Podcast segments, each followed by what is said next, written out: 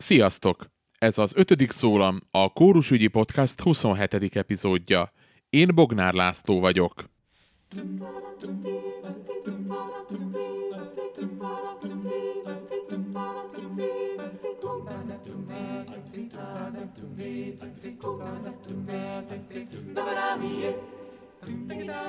Mai vendégünk elmondja, mitől olyan keresett a Kodály koncepció ma is világszerte. Mindent az éneklés alapján, tehát a muzsikálás alapján közelítünk meg. Tapasztalati úton, hogy tudjunk abból valamit, valamit megszólaltatni, hogy, hogy élményt kapjunk és élményt adhassunk. És megtudjuk azt is, milyen útravalót szánt karvezető növendékeinek. Három nagyon fontos dolog van. Az, hogy minőségre törekvés, az, hogy emberség, és az, hogy szeretet. Szeretni azt, amit csinálok, és szeretni azokat, akikkel dolgozom. Mint azt sokan tudjátok, az ötödik szólam podcast alapjaiban véve egy laikus projekt. Én magam nem vagyok karvezető, nincsen semmilyen zenei végzettségem. Egy egyszerű kórustag vagyok, aki egyrészt talán kicsit jobban érdeklődik a körülötte lévő kórusos univerzum iránt, mint a dalostársai, másrészt pedig szakmájánál fogva is elhivatott az iránt, hogy a megismert tudást, információt közreadja, közkincsé tegye. Ezért is óriási megtiszteltetés a számomra, hogy a podcast mai vendége Erdei Péter, Liszt Kóta és Bartók Pásztori díjas karnagy, zenepedagógus, érdemes művész elfogadta a meghívásomat. Erdei Péter fiatal karvezetőként az egyik első nemzetközi hírnöke volt az itthon akkor már bevált Kodály koncepciónak, és ma is egyik küldetésének tekinti, hogy minél többen megismerjék a zeneoktatás világszerte egyedülálló rendszerét. Később négy évtizeden át tanított leendő karnagyokat a Zeneakadémián, napjainkban pedig a Kecskeméti Énekeskör karnagyaként és a Nemzeti Ifjúsági Kórus egyik művészeti vezetőjeként tevékenykedik, ahova egyébként már várják a jelentkezőket a 2020-as harmadik koncertsorozatra. Az amatőr énekkarokról, a karnagyok előtt álló mai kihívásokról, és persze a Nemzeti Ifjúsági Kórus sikereiről is szót ejtünk a mostani beszélgetésben, a kiinduló pont pedig két idei elismerés, az amerikai Kodály Tanárok Szervezetének életműdíja és az Ázsiai Ifjúsági Kórusok Szövetségének életműdíja, amelyekhez szívből gratulálok. Hát köszönöm szépen, és úgy röstelkedem is emiatt, hogy ez olyan, olyan bősége tulajdonképpen most ebben a tanévben, vagy művészi évadban ezeknek az elismeréseknek, hogy magam is meg vagyok döbbenve, de hát ugyanakkor ez azt jelzi egyértelműen és visszavonhatatlanul, hogy telik az ember fölött az idő. Hogyha az amerikai Kodály Tanárok Szervezetének életműdíjára tekintünk rá, az amerikai Kodály Tanárok Szervezetével valakivel milyen kapcsolatot ápol? Itt beszélhetek egyéni együttműködésről, úgy tanárdiák kapcsolatokról, mert hiszen az elmúlt 50 évben számtalan fiatal amerikai zenetanár, diák, egyetemi hallgató, sőt már végzett fiatal kolléga is megfordult a Kecskeméti Kodály Intézetben, akikkel volt alkalmam együtt dolgozni. Fiatal koromban valami csodás véletlen folytán kerültem én ki Amerikába, ahol a munkám azzal kezdődött, hogy el kellett indítani egy úgynevezett énekzenei általános iskola típusú oktatási rendet, nevezetesen egy általános iskolában, első osztályokban napi énekórát kellett tartanom, és tulajdonképpen ez volt a gyökér, ez volt az a, az a mag, amiből kiterebélyesedett először az amerikai Kodály Intézet, ott Boston elővárosában, 1969-ben, majd néhány évre rá itthon Magyarországon is a Kecskeméti Kodály Intézet. Mit tudtak akkor Amerikában a, a Kodály koncepcióról, vagy erről az egész rendszerről, ami akkor már azért Magyarországon meghonosodott? A 60-as évek végéről, 70-es évek elejéről beszélünk, amikor a magyarországi oktatási rendszerben egész komoly helye volt a zeneoktatásnak. Abban az időben, és úgy most már beszéltünk a 70-es évek végé, 80-as évek elejéről, gyakorlatilag az időtájt volt egy ilyen számolás, hogy a magyarországi nagyjából 5000 általános iskola közül 250 körüli volt azon iskolák száma, ahol napi énekóra folyt. Ez egy óriási dolog volt, és ennek a ennek az eredménye, ennek a hatása, a nemzetközi figyelem központjába kerülése igazából 1964-ben kezdődött, amikor Kodály még élt, és a zenetanárok nemzetközi társasága, rövidítve IZME, társaság Budapesten tartotta az ülését. Kodály volt ennek a társaságnak a díszelnöke, akkor egy óriási erővel robbant be a magyar zeneoktatás a, a, a köztudatba. Nos, ennek következtében aztán elkezdtek járni Magyarországra külföldről zenetanárok, és elég tisztességesen, persze az elején ugye nem sokan, hanem csak úgy óvatosan, de egyre többen kezdtek megismerkedni ezzel a rendszerrel. És aztán így alakult ki az a helyzet, hogy a 60-as évek végén ez a lehetőség Amerikában is kinyílt, és attól kezdve azt lehet mondani, hogy folyamatosan nő az érdeklődés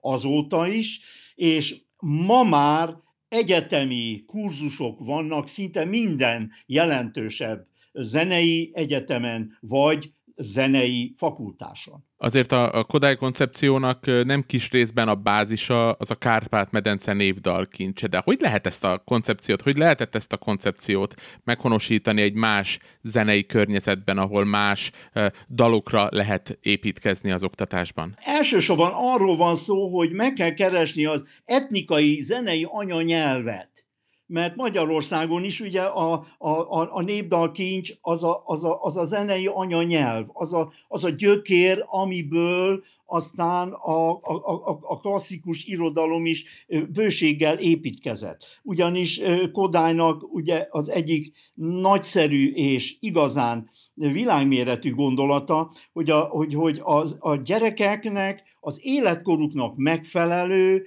gyerekdalokat, a tradicionális saját zenei nyelvükön és anyanyelvükön énekelhető anyaggal kell először megismerkedni. És aztán nyílnak ki az ajtók és az ablakok különféle irányba. És éppen emiatt a külföldi országokban is elindult a, az a fajta népzenei rendszerező munka, ami a népdalkincsnek a pedagógiai hasznosítási lehetőségeit kutatta és kutatja, és ez mind a mai napig folyik. Ezért van az, hogy ebből a szempontból nincs is különbség a nyugat és a távol-kelet között? Igen, azt tudom mondani, hogy, hogy ugye itt, itt az alapelveket kell magunkévá tenni, tehát az, hogy a zeneoktatás énekes központú legyen, vagyis, hogy a kisgyerekkortól kezdve rendszeresen énekelni kell a gyerekekkel.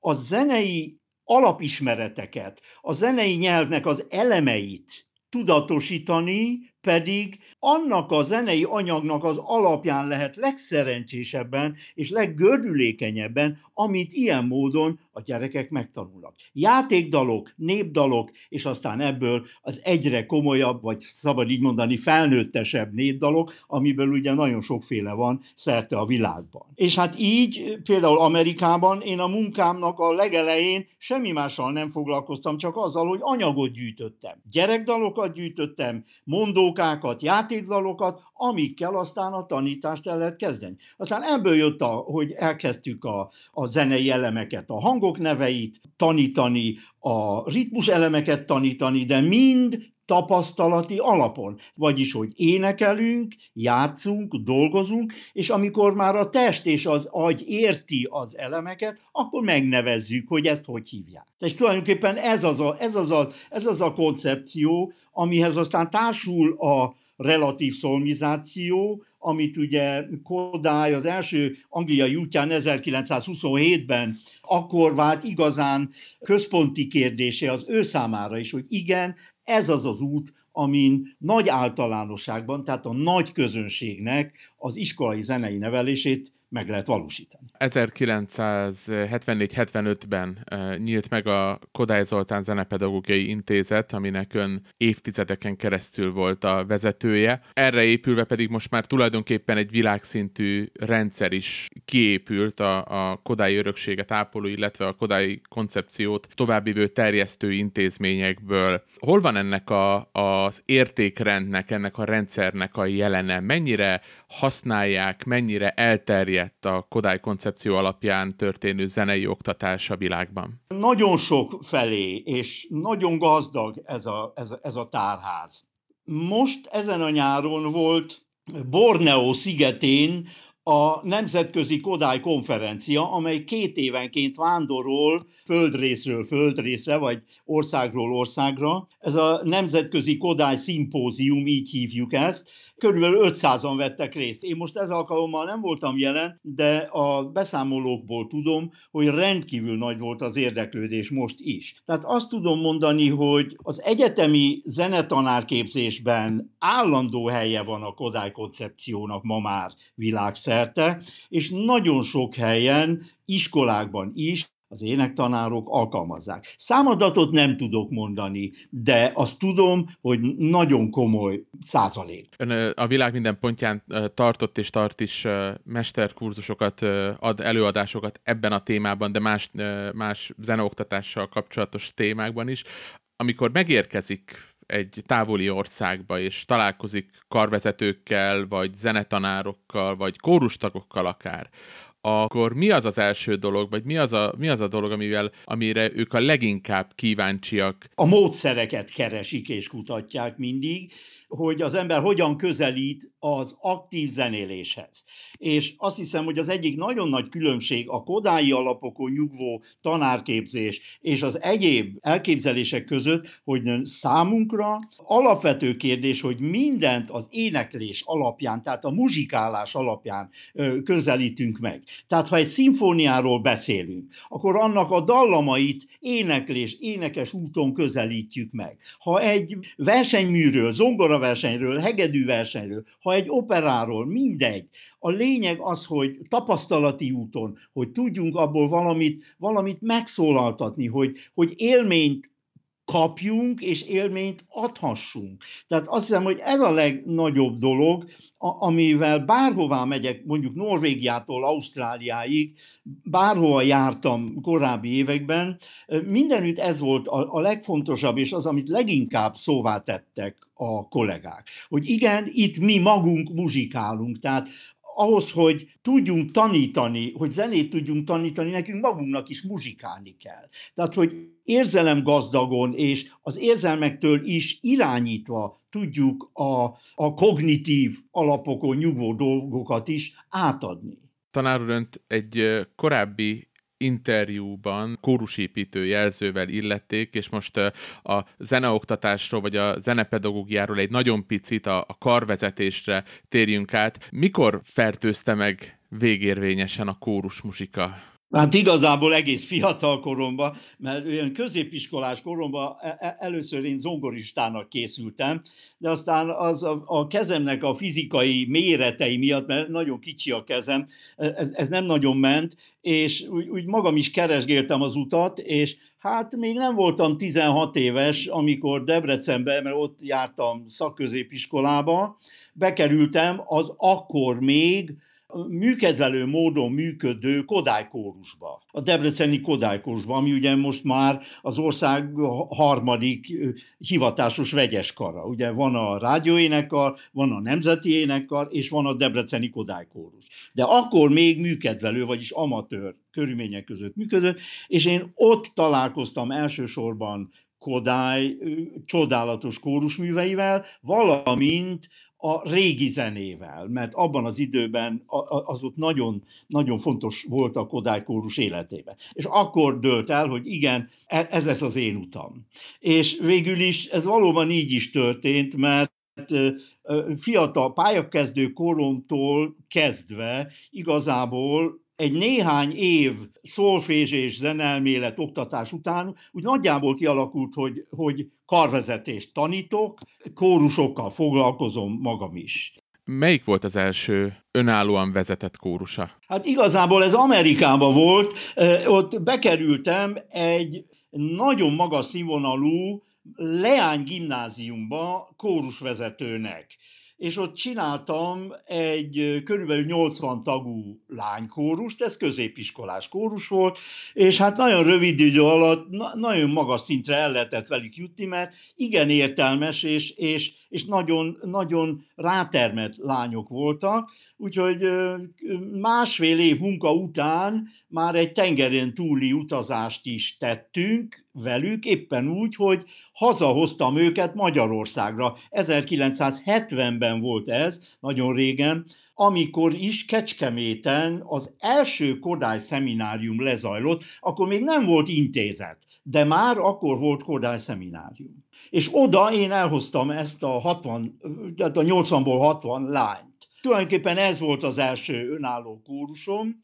Aztán, amikor hazajöttünk, hazatelepültünk, akkor először Debrecenben tanítottam, ott a tanárképző intézményben volt egy kamarakórusom, aztán amikor Kecskemétre kerültem, akkor a Kecskeméti pedagógus énekkart vezettem néhány hónap hiány 30 évig, és igazából azt tudom mondani, hogy a pályámnak a leghosszabb idejét igazából ennek az együttesnek az élén töltöttem, miközben persze jártam másfelé is, rádióénekarhoz, vissza Debrecenbe a Kodály kórushoz, meg sokfelé a világban. Mi az, amit magával vitt ezekből az évtizedekből? Hát tulajdonképpen nagyon sok minden, mindent, ami, ami a karvezetői léthez fontos. Tehát egyrészt az, az állandó kutató ösztönt, vagy kutató ingert, ha szabad ezt mondani, hogy az ember mindig próbáljon amennyire csak képes napra kész lenni az irodalom ismeretben.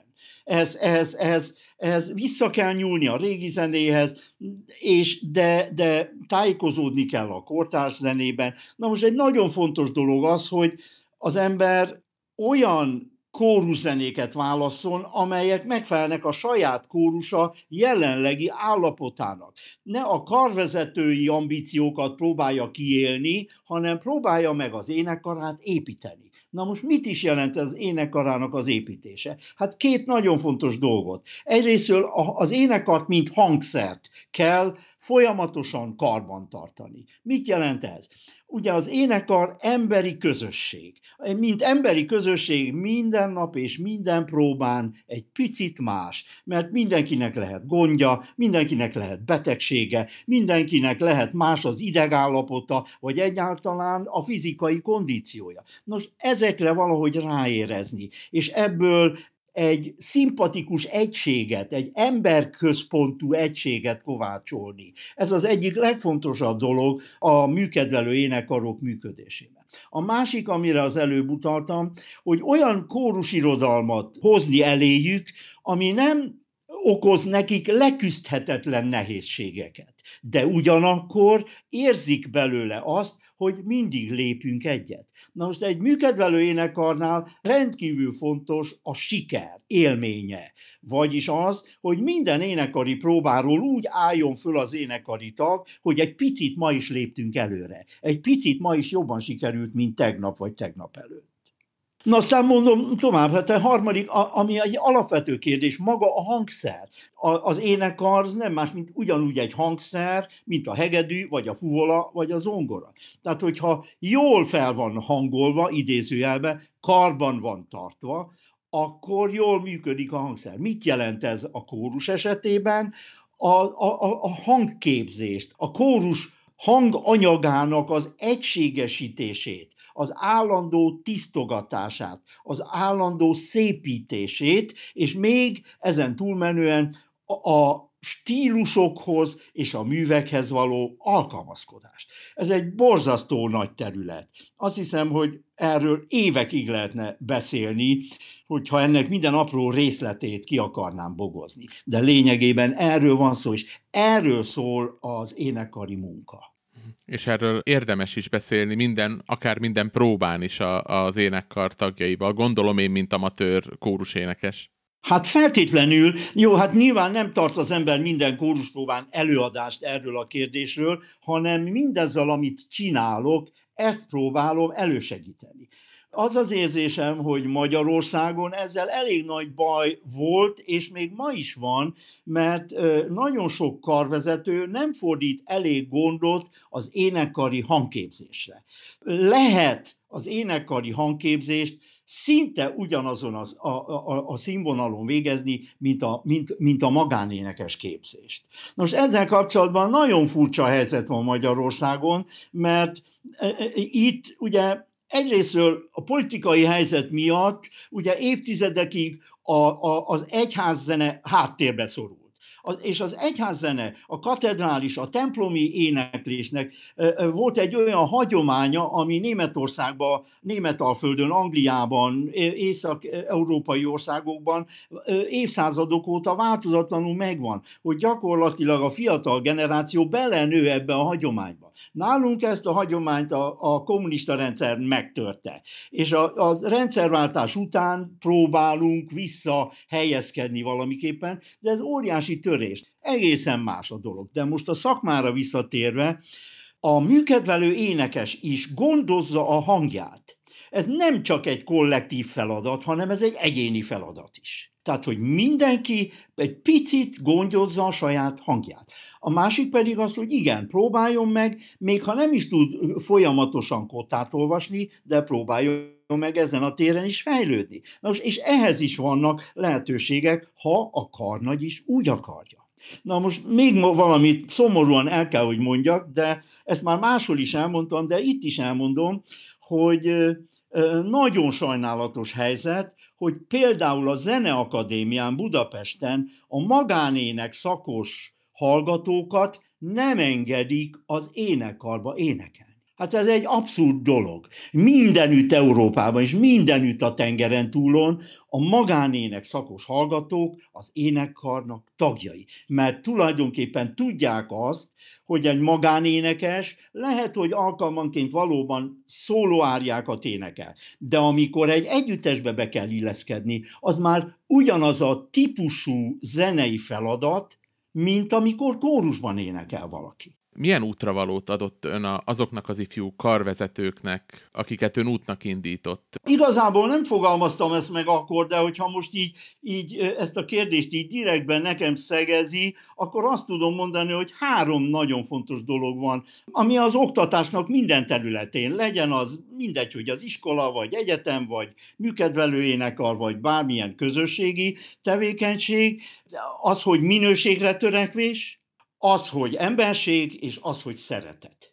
Ez a három. Tehát a minőségre törekvés, vagyis az, hogy, hogy nyitott legyen az illető, és önmagát fejlesz elsősorban ahhoz, hogy, hogy, hogy a hozzáfordulóknak tudjon, tudjon támogatás, segítséget adni.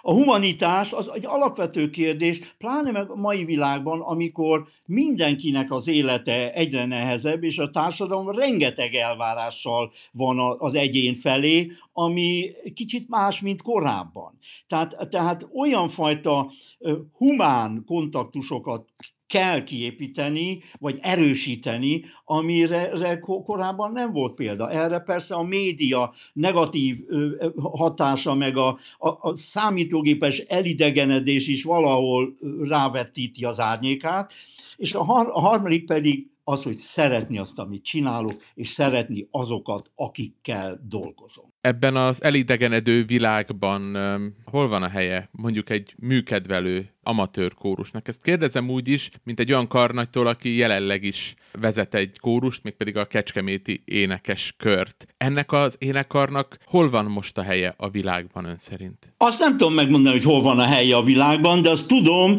hogy azon emberek számára, akik eljöttek a Kecskeméti énekes körbe énekelni, borzasztó fontos, majdnem azt mondom, hogy központi szerepet tölt be az életükben, mert egy olyan területét engedi őket kiteljesedni, vagy kibékülni a, a társadalommal és a környezettel, amire máshol nincs mód.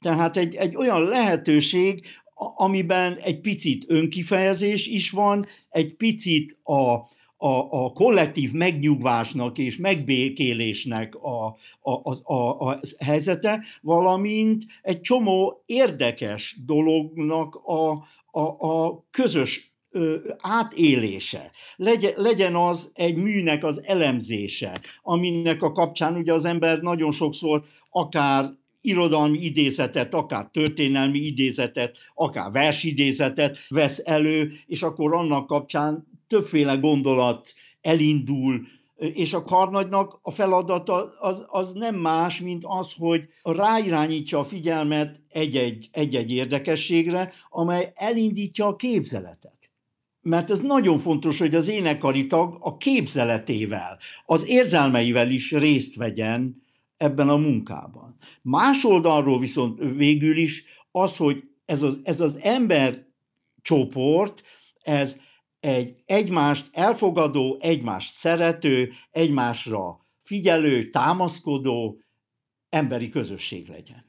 De hát ez gyakorlatilag azt tudom mondani, hogy majdnem mindegy, hogy, hogy, hogy most milyen, milyen pályán van az illető, vagy milyen hivatást űz. Hát erről most éppen friss élménnyel ö, vagyok itt, hiszen most fejeződött be a Nemzeti Ifjúsági Kórusnak az idei tevékenysége, vagy projektje, ha szabad így fogalmaznom, és a Nemzeti Ifjúsági Kórusban nem csak zeneakadémisták, vagy nem csak fiatal eh, zenetanárok vannak, hanem ott van nagyon sok más pályán, más hivatással rendelkező fiatal, akik számára ugyanezek a kérdések a központi kérdések. Tehát, hogy, hogy az önkifejezésnek ez, ez a fajta közösségi ereje, ez a mindennapokban nincs benne, hanem egy ilyen lehetőség által nyílik meg. Ugye ez tulajdonképpen a második évadja volt a, a mostani a, az ifjúsági kórusnak, hiszen 2017-es Kodály emlékívbeli bejelentést követően 18-ban tartották az első, hát tulajdonképpen próba hetet, és aztán utána, vagy két hetet, és aztán utána a turnét, és most ismét összeállt a, az énekkar. Mik a tapasztalataik ebből a, ebből a két szezon kapcsán? Beváltotta a hozzáfűzött reményeket, a, a célokat sikerült elérni, amit kitűztek annak idején maguk elé? Igen, mindenképpen azt tudom mondani, hogy igen. Ugye az egyik cél az az volt, hogy a teljes Kárpát-medence területéről az érdeklődő fiatalok közül válogassuk ki a, egy vegyes karra való 60 fiatalt. Ez volt, ez volt ugye tavaly. És akkor nem is 60-62 fő volt az ifjúsági énekarnak a tagsága, és akkor két hétig dolgoztunk együtt, Kecskeméten laktak, étkeztek és dolgoztunk, és ennek a betanulási periódusnak a végén egy öt hangversenyből álló turné volt a tavalyi nyárnak a vége. Az idén sajnos az anyagi erő az kevesebb volt, és emiatt részben létszámban, részben pedig időben is korlátozni kellett sajnos a, a dolgokat. Tehát az idén csak 45 főt tudtunk meghívni, és ö, igazából a hangversenyek száma is egy picit kevesebb volt. Viszont volt egy rendkívüli megtisztelő eleme ennek az idei munkának, mégpedig az, hogy a brit Kóruskarnagyok Szövetsége konferenciájára díszvendégként kvázi meghívták a Nemzeti Ifjúsági Énekart. Azt tudom mondani, hála Istennek, hogy nagyon nagy sikerrel fejeződött be. Egész ritka az angol civil életben, hogy egy hangverseny végén egy emberként felálljon a közönség, és úgy tapsoljon az énekkarnak. És most ez történt Birminghamben.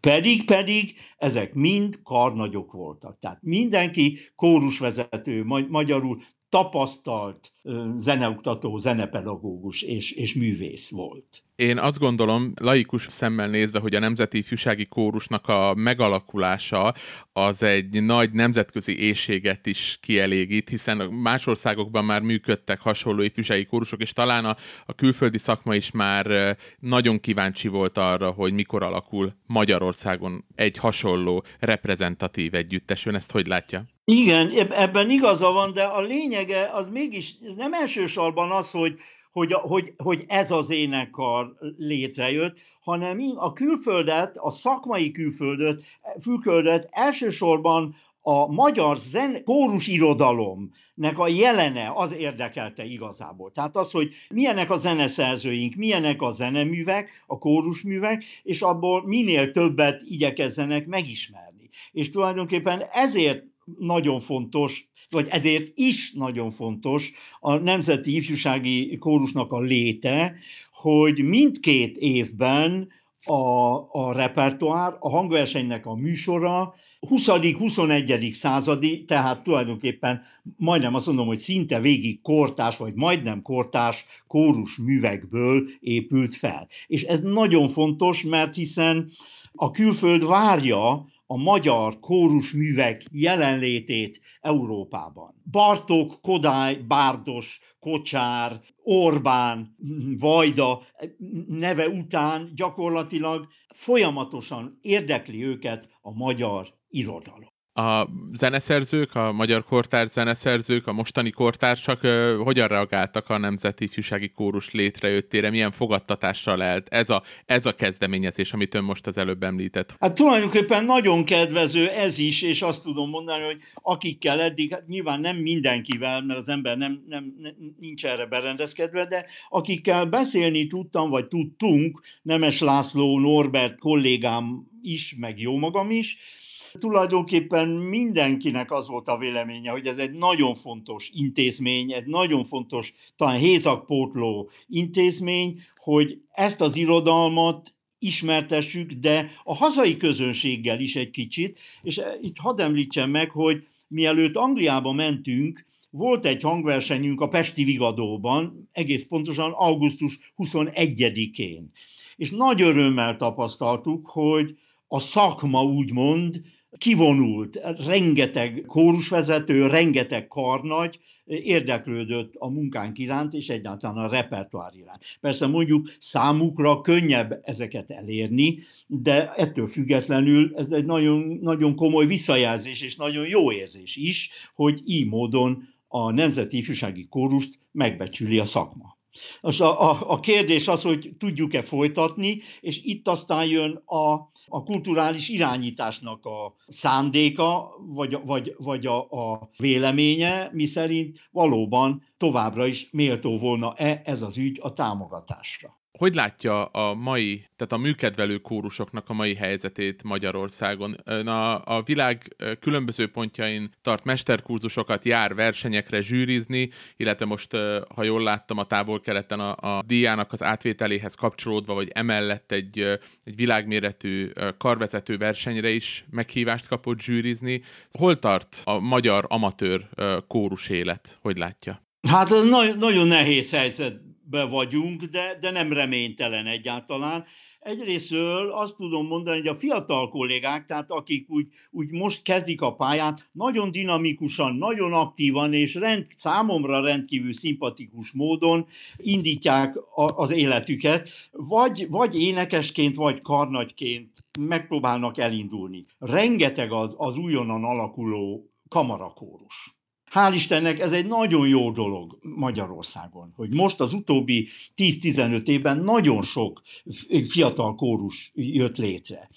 Hogy aztán ezeknek az egymáshoz való kapcsolódása, erre, erre gondot kéne fordítani, hogy, hogy fesztiválok, tapasztalatcserék formájában minél többször tudjanak találkozni. Ez nagyon fontos, nem feltétlenül versenyszerűen.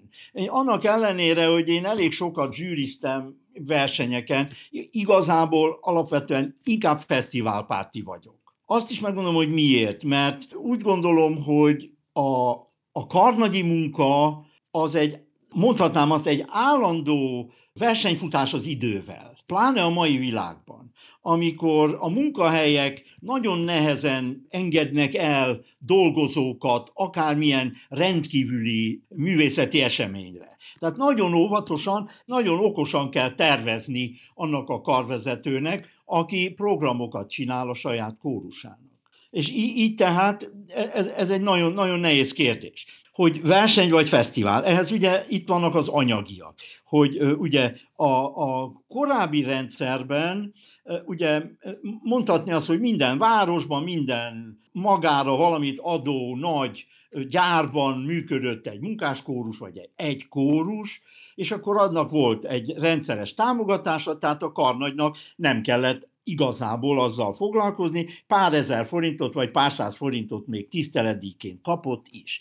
A rendszerváltás után ez megfogyatkozott, majdnem teljesen megszűnt, magyarul a, szinte a nulláról kellett az egész rendszert újraindítani. Most a karnagyok, főleg azok, akik a régi rendszerben kapták a maguk iskolázottságát, nem voltak arra felkészülve, hogy a pályázati rendszerbe eligazodjanak. A fiatalok esetében ez sokkal könnyebb, mert ők belenőnek ebbe. És ők, ők ezt, a, ezt a sokszor bizonytalan, sokszor keserű, de mégis meglévő és nagyon sok felé osztódó darab kenyeret azért valamiképpen meg tudják közelíteni. Tehát bele, bele, bele épültek, bele nőttek ebbe a pályázati rendszerbe. Másik oldalról viszont pontosan is az, hogy hogy akinek támogatása van, az messzebbre jut. Ez abban is látszik, hogy míg a korábbi rendszerben egyfajta szakmai kiváló, kiválogatódás és a támogatás jutatta mondjuk egy külföldi úthoz az énekkart, addig most ugye elsősorban az anyagi támogatás juttatja a külföldi úthoz a kórus. Mit gondol ön arról, hogy merre kellene merre kellene menni? Szóval ön, ön mit ajánlana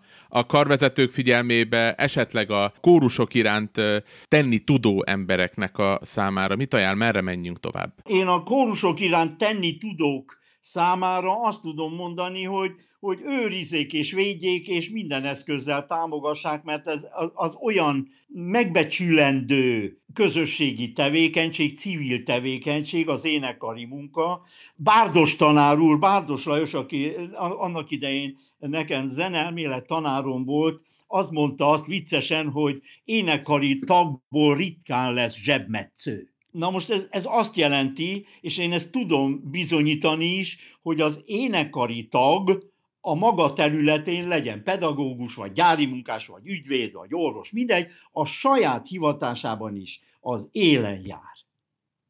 Mert érdekli a szakma, mert érdeklik az emberek, és mert más is érdekli, nem csak a szakma. Tehát valahol ez együtt jár. És ezek az emberek a társadalom aktív építői. És úgy gondolom, hogy ezért kell támogatni a műkedvelő kórus mozgalmat. A karnagyoknak pedig, hát mint, amint az előbb említette, sajnálatos módon, de mégiscsak meg kell barátkozni ezzel a helyzettel, hogy a, hogy a támogatásért küzdeni kell, tehát szervezőnek is lenni kell, menedzsernek is lenni kell, magyarul egy kicsit a kórus mindenesének az, ez, ez, ez persze nem mindenkinek megy, és ez egyáltalán nem egyszerű. És lehet valaki egészen kiváló szakember, csak ezt a másik oldalt talán kevésbé tudja ellátni, és akkor már mindjárt nem megy annyira a dolog, mint amennyire mehetne. Önnek a kecskeméti énekes körön belül vannak segítőtársai, akik segítenek az ilyen ügyes bajos dolgok intézésében? Igen, az egész kórus. Tulajdonképpen mindenki vállal valami pici feladatot valahogy úgy, ez egy, ez egy kis létszámú társaság, 24, 26, 28 között mozog, és mindenki vállal valamikor valami pici munkát a közösség érdekében. És ez nagyon jó, mert akkor nincs egy emberre terhelve, vagy kettőre, de mégis mindenki érz, magáénak érzi az ügyet és szerintem ez is fontos, mert az is egy önbecsülést ad, az a másiknak a megbecsülését, egyáltalán a, a közösségi érzületnek egy magasabb szintjét. Tanárúnak milyen szakmai tervei vannak, és a Kecskeméti énekes körrel milyen koncerteket, milyen művek bemutatását tervezik? Hát köszönöm szépen a kérdést, igazából már készülünk egy novemberi hangversenyre, ahol a Forré Requiemben fogunk részt venni, itt Kecskemét egy filharmóniai hangversenyben, aztán pedig már itt a karácsony, amikor karácsonyi hangversenyt kell csinálni, illetve már előre készülünk, mert szeretnék egy hangversenyt a Magyar Kultúra Napja tájékán januárban. Tehát bizony tudnám mondani tovább, de hát azt hiszem, hogy nem ez az érdekes, hanem az, hogy, hogy, hogy talán ez, ebből látszik, hogy, hogy, hogy kell, hogy legyen a kórus előtt cél mindig, az újonnan alakulók előtt azonnali cél, amit, amit meg kell közelíteni. Magyarul, amikor arról beszélünk, hogy, hogy, hogy versenyfutás az idővel, gyakorlatilag arról van szó, hogy, hogy versenyzek a, annak érdekében, hogy a művet minél szebben meg tudjam szólaltatni az adott időben. Tehát ez egy versenyhelyzet. Van, aki azt mondja, hogy, hogy másképpen készülök a versenyre, mint hogyha egy fesztiválra megyek. Szerintem ez helytelen. Ugyanúgy kell készülni. Mindenre ugyanúgy kell készülni. Ha öt ember van a nézőtéren, azoknak ugyanúgy kell énekelni, mintha 250. Erdei Péternek nagyon szépen köszönöm a beszélgetést, és külön köszönet Kocsis Holper Zoltánnak is, aki nélkül ez az interjú nem jöhetett volna létre és ha már szóba került a Nemzeti Ifjúsági Kórus, a podcast végén itt egy jó hír, 2020-ban immár harmadik alkalommal áll össze a Magyar Fiatalok Alkotta Vegyeskar, hogy koncertturnéján kortárs magyar szerzők friss műveit mutassa be a világnak. A jövő nyári projekthez július második felében egy hét próba és egy hét koncertezés tartozik, a kórusba pedig te is jelentkezhetsz, kedves hallgató, ha elmúltál már 18, de nem vagy még 32 éves, biztos kottaolvasó vagy, és van már kórusos tapasztalatod. A jelentkezési határidő november 30-a, minden más infót pedig megtalálsz honlapunkon az 5.szólam.com weboldalon. Én Bognár László vagyok, találkozunk legközelebb, sziasztok!